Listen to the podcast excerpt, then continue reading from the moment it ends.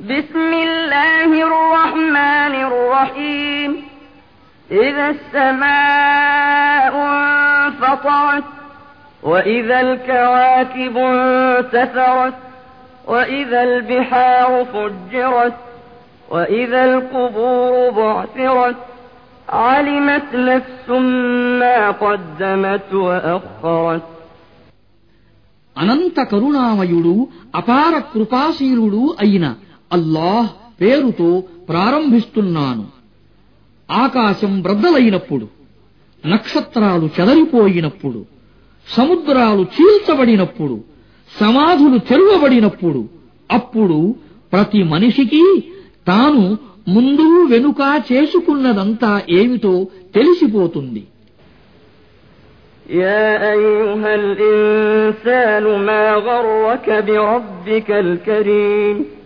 الذي خلقك فسواك فعدلك في أي صورة ما شاء ركبك كلا بل تكذبون بالدين وإن عليكم لحافظين كراما كاتبين يعلمون ما تفعلون ఓరి మానవుడా పరమదాత అయిన నీ ప్రభువును గురించి ఏ విషయం నిన్ను మోసంలో పడవేసింది?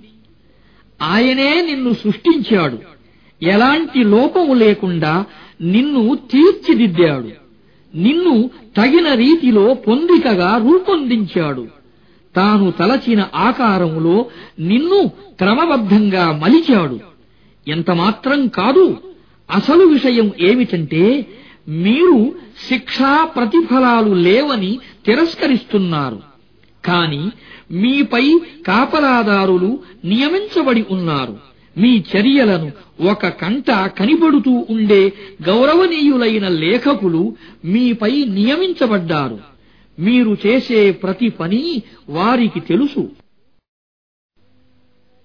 إن الأبرار لفي نعيم وإن الفجار لفي جحيم يصلونها يوم الدين وما هم عنها بغائبين وما أدراك ما يوم الدين ثم ما أدراك ما يوم الدين يوم لا تملك نفس لنفس شيئا والأمر يومئذ لله